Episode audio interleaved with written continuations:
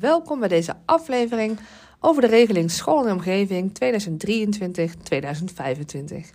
De reden dat ik er het jaartal bij noem is omdat vorig jaar deze regeling onder dezelfde naam uh, ook uit is gekomen, maar dat is de regeling 2223. En deze regeling is echt significant anders dan deze regeling. Ze hebben wel hetzelfde doel, maar de manier waarop dit doel bereikt wordt is echt heel anders. Um, dus daarom uh, ga ik even de regels van deze nieuwe regeling bespreken. Deze regeling is bedoeld voor categorie A en categorie B scholen. Dat betekent dat je eerst moet weten of je dat bent. En uh, dan geldt het voor zowel primair als voortgezet onderwijs.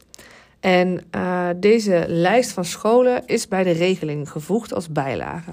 Dus als je denkt, oh, ik wil aan deze regeling deelnemen, zorg er dan eerst voor dat je die lijst gecheckt hebt. Vervolgens uh, is het de bedoeling dat je gaat kijken of je wil aansluiten bij een bestaande coalitie of een nieuwe coalitie wil vormen. Nou, waar dit over gaat, zal ik je eerst iets meer over de regeling vertellen. Deze regeling is bedoeld voor uh, samenwerkingen. Uh, en die samenwerkingen die bestaan uit minstens de gemeente waar de school staat, een school en uit een uh, maatschappelijke organisatie of lokale partij. Dat betekent uh, dat uh, een lokale partij bijvoorbeeld de bibliotheek kan zijn, een welzijnsorganisatie, de lokale sportvereniging of cultuurinstelling. Denk ook aan de opvang. Uh, denk, of zorginstellingen, kan je natuurlijk ook aan denken. Sociaal werkers of jeugdwerkers. Maar je kan ook aan landelijke organisaties denken die lokaal iets voor jou kunnen betekenen. Dus uh, je er niet op als je zegt van, nou, ik wil bijvoorbeeld samenwerken met Xwal. En Xwal levert interactieve muren aan scholen met games. maar dan zou je bijvoorbeeld met hen contact kunnen hebben, zodat, nou ja, zodat je met jullie op jullie scholen ook met Xwal kunnen werken. Ehm, dat moet je op die manier zien. Of je kunt denken aan uh, een duurzaamheidsprogramma. Heel veel duurzaamheidsprogramma's werken landelijk. Denk bijvoorbeeld aan uh, Stichting Technotrend, maar ook Stichting Energy Challenges en Eco Schools. Allemaal uh, programma's die erop gericht zijn om met leerlingen te werken, om ze te laten denken na te laten denken over duurzaamheid. Om echt systeemveranderingen teweeg te brengen. Je kan allemaal wel uh, de blikjes gaan inleveren. Maar in het grote geheel wil je eigenlijk zorgen dat iedereen zijn afval scheidt. Om ervoor te zorgen dat uh, de wereld weer een stukje groener wordt. Maar goed, voordat ik deze afslag neem. Uh, je kunt ook denken aan, aan Robotwise. Robotwise is een partij die zorgt voor uh, dat, dat kinderen door middel van robots uh, werken aan hun sociale vaardigheden, maar ook natuurlijk aan hun technische en technologische vaardigheden. Dus uh, die zitten op zowel op cognitief vlak als metacognitief vlak. je kunt ook denken aan, aan allerlei techniekprogramma's. Um, het gaat er eigenlijk om, je kunt bijvoorbeeld ook denken aan Junior IoT. Uh, die, geeft ook, uh, uh, die levert ook programma's die na schooltijd plaats kunnen vinden, waarin leerlingen begeleid worden met het opdoen van technische en technologische ehm, vaardigheden. Maar ook ondertussen werken aan samenwerken en allerlei 21e eeuwse vaardigheden. Dus het is echt, nou, je kunt echt alle kanten op. Dat maakt het misschien ook een beetje onoverzichtelijk en ook een beetje tijdtekort. Want deze regeling gaat 28 augustus open en sluit eind september. En dan betekent dat dat je eigenlijk al moet weten welke, uh, welke partijen met jou die aanvraag willen gaan doen. Maar ook hoeveel uur je als aanbod wil hebben het aantal uren aan aanbod gaat echt over de uren buiten onderwijstijd. Dus dat betekent dat uh, de kinderen geen lestijd hebben, zoals de school uit is. En als je nou bijvoorbeeld in jouw programma iedere woensdagmiddag een middag hebt waarin je aan het werk bent uh, met de leerlingen, dan mag je die woensdagmiddag ook door laten lopen in de vakanties. Maar het is niet de bedoeling dat je die woensdagmiddag dan ineens uitbreidt naar vijf dagen in de week dan blijft het ook bij die woensdagmiddag. Dus dat uh, is wel heel erg van belang om te weten. En wat ook van belang is om te weten bij het, trouwens het kiezen van je partners.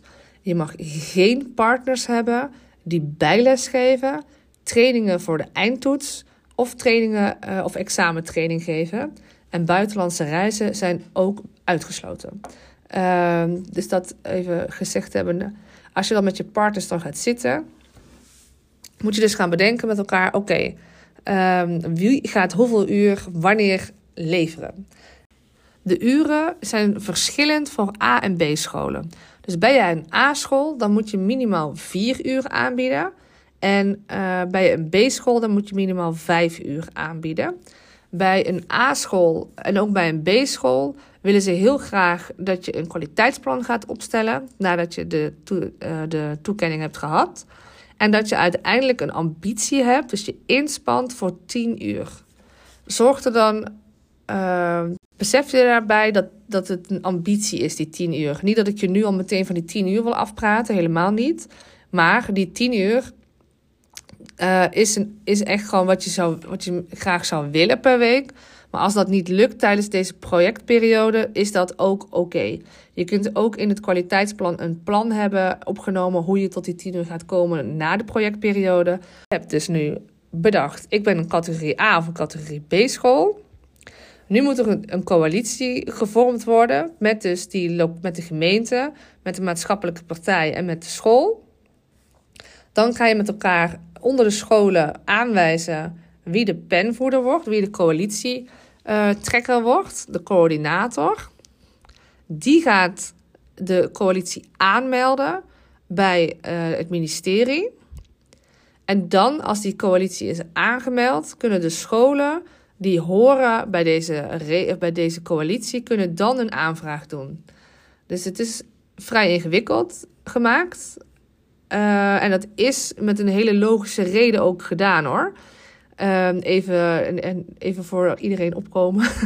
Omdat uh, het, zijn, het, gaat dadelijk, het gaat dadelijk om hele grote bedragen. Dat zal ik je dadelijk ook vertellen.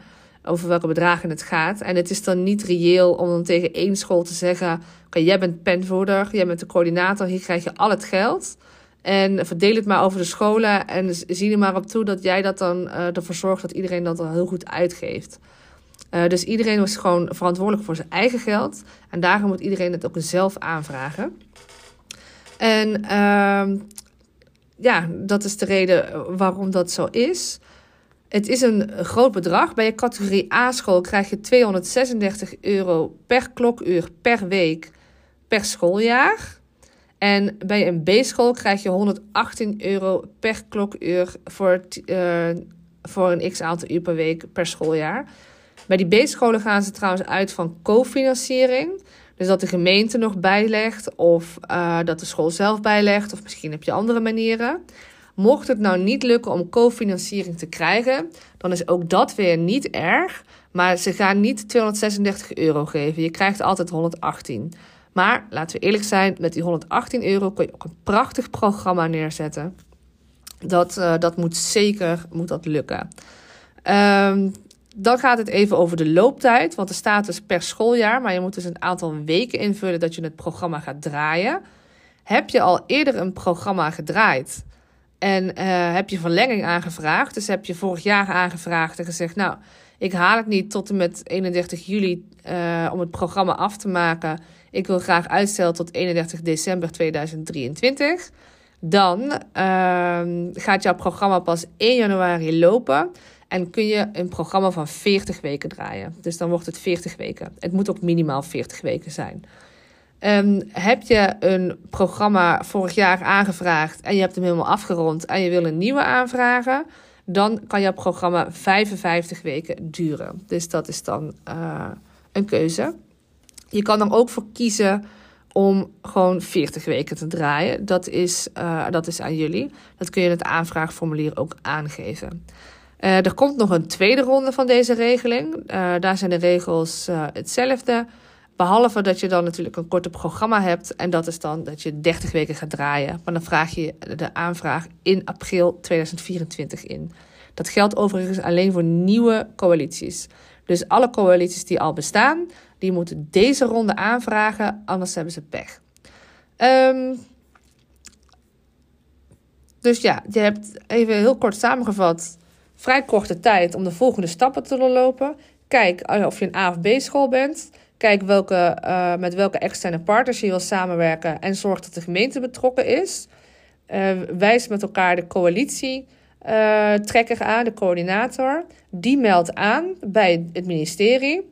Vervolgens gaan alle scholen voor zichzelf de aanvraag indienen.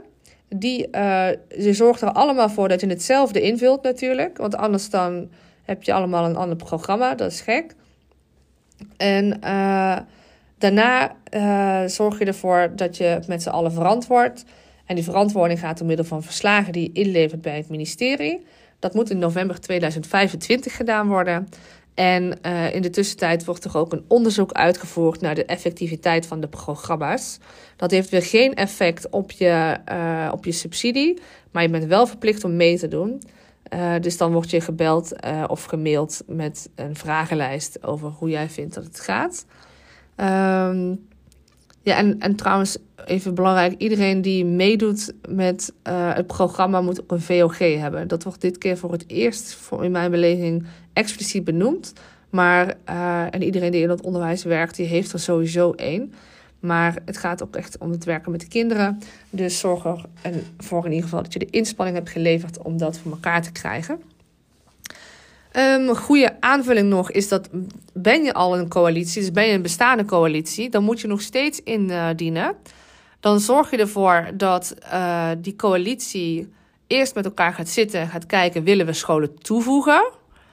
Of willen we andere organisaties toevoegen? En uh, als je een voorloper bent, kun je ook nog een toegemoetkoming aanvragen voor een lerende aanpak. En uh, die lerende aanpak is dat je kennis deelt over hoe jij jouw coalitie hebt gedraaid. Daar krijg je 10.000 euro extra voor. Om bijvoorbeeld een aantal online events te organiseren waar mensen zich op kunnen aanmelden, waarin je presenteert uh, wat jouw good practices waren. Maar het kan ook een fysieke meeting zijn. Het kan ook uh, het kan van alles zijn als jij maar zorgt dat je die kennis deelt met scholen die van jouw aanpak kunnen leren. Uh, dus dat, dat moet je even met elkaar bedenken of je dat graag wil. Maar heb je, die uh, heb je dit doorgelopen, dan volgen de stappen zijn gewoon hetzelfde als de rest. Dus daarna ga je weer de coalitie aanmelden en dan weer indienen. En dan ga je het programma draaien, mits je uiteraard wordt toegekend. Nou, het is een vrij ingewikkelde uh, regeling. Ik hoop dat ik het duidelijk heb uitgelegd. Mocht dat nou niet zo zijn, dan hoor ik heel graag van je.